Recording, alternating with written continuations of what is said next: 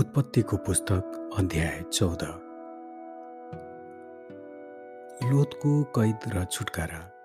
यसै समयमा सिनारका राजा अम्रापेल एल्लासारका राजा अर्योग र एलामका राजा कदोर्ला उमेर र गोइमका राजा तिदालले सदोमका राजा बेरा गमोराका राजा बिर्सा अदमाका राजा सिनाब सबयमका राजा सेबेमर र बेलाका अर्थात् सोहरका राजाका विरुद्धमा युद्ध गरे।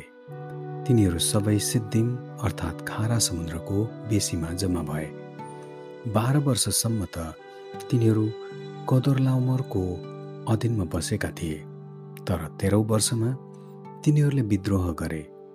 चौध वर्षमा कदोरलौमरको र उनका मित्र राजाहरू आएर अस्तेरोड कर्णेममा रपाईँहरूलाई हाममा जुजीहरूलाई साकेरताइममा एमीहरूलाई र हिरो होरीहरूलाई सेयरको पहाड देशमा मरुभूमिनेर भएको एल पारानसम्म अधीन गराए।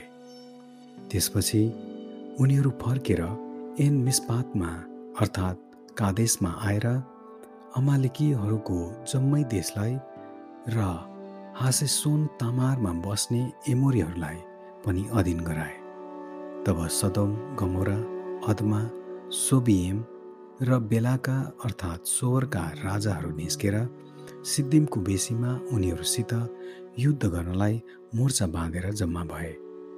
इलामका राजा कदर्लो ओमेर गोइमका राजा तिदाल सिनारका राजा अम्रापेल एल्लाजारका राजा अर्युक्सित यी पाँच राजाहरूका विरुद्धमा चार राजाहरू सिद्धिमको बेसी चाहिँ अलकत्राको धापले भरिएको थियो र सदोम र गमोरा राजाहरू भाग्दा भाग्दै तिनीहरूका कोही मानिसहरू त्यही जाकिए बाँकी मानिसहरू चाहिँ पहाडतिर भागे।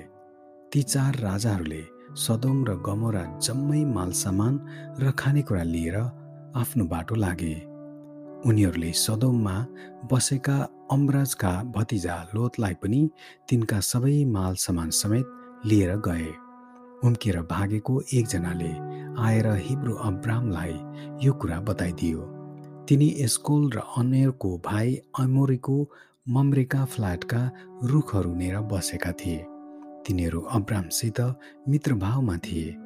अब्रामले आफ्ना नातेदारलाई कैद गरेर लगेको कुरा सुनेर आफ्नो घरमा जन्मेर तालिम पाएका तिन सय अठारजना दासहरूलाई साथमा लिएर उनीहरूलाई दानसम्मै खेदेर गए।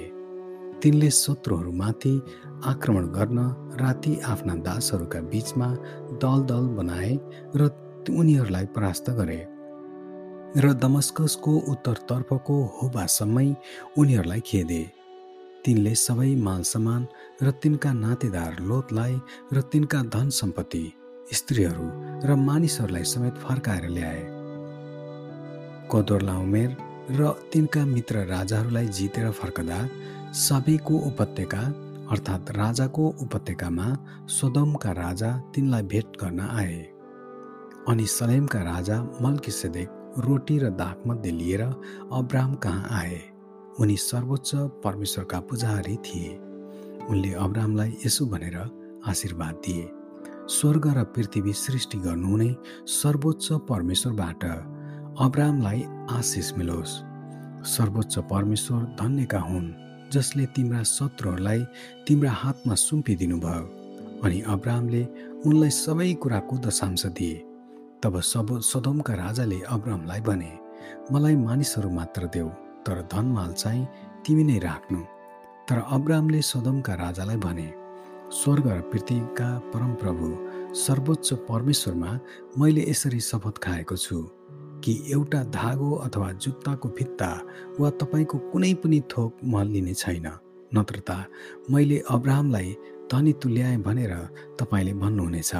मसँग हुने मानिसहरूले जति खाएका र तिनीहरूका भाग बाहेक म केही हिस्सा लिने छैन।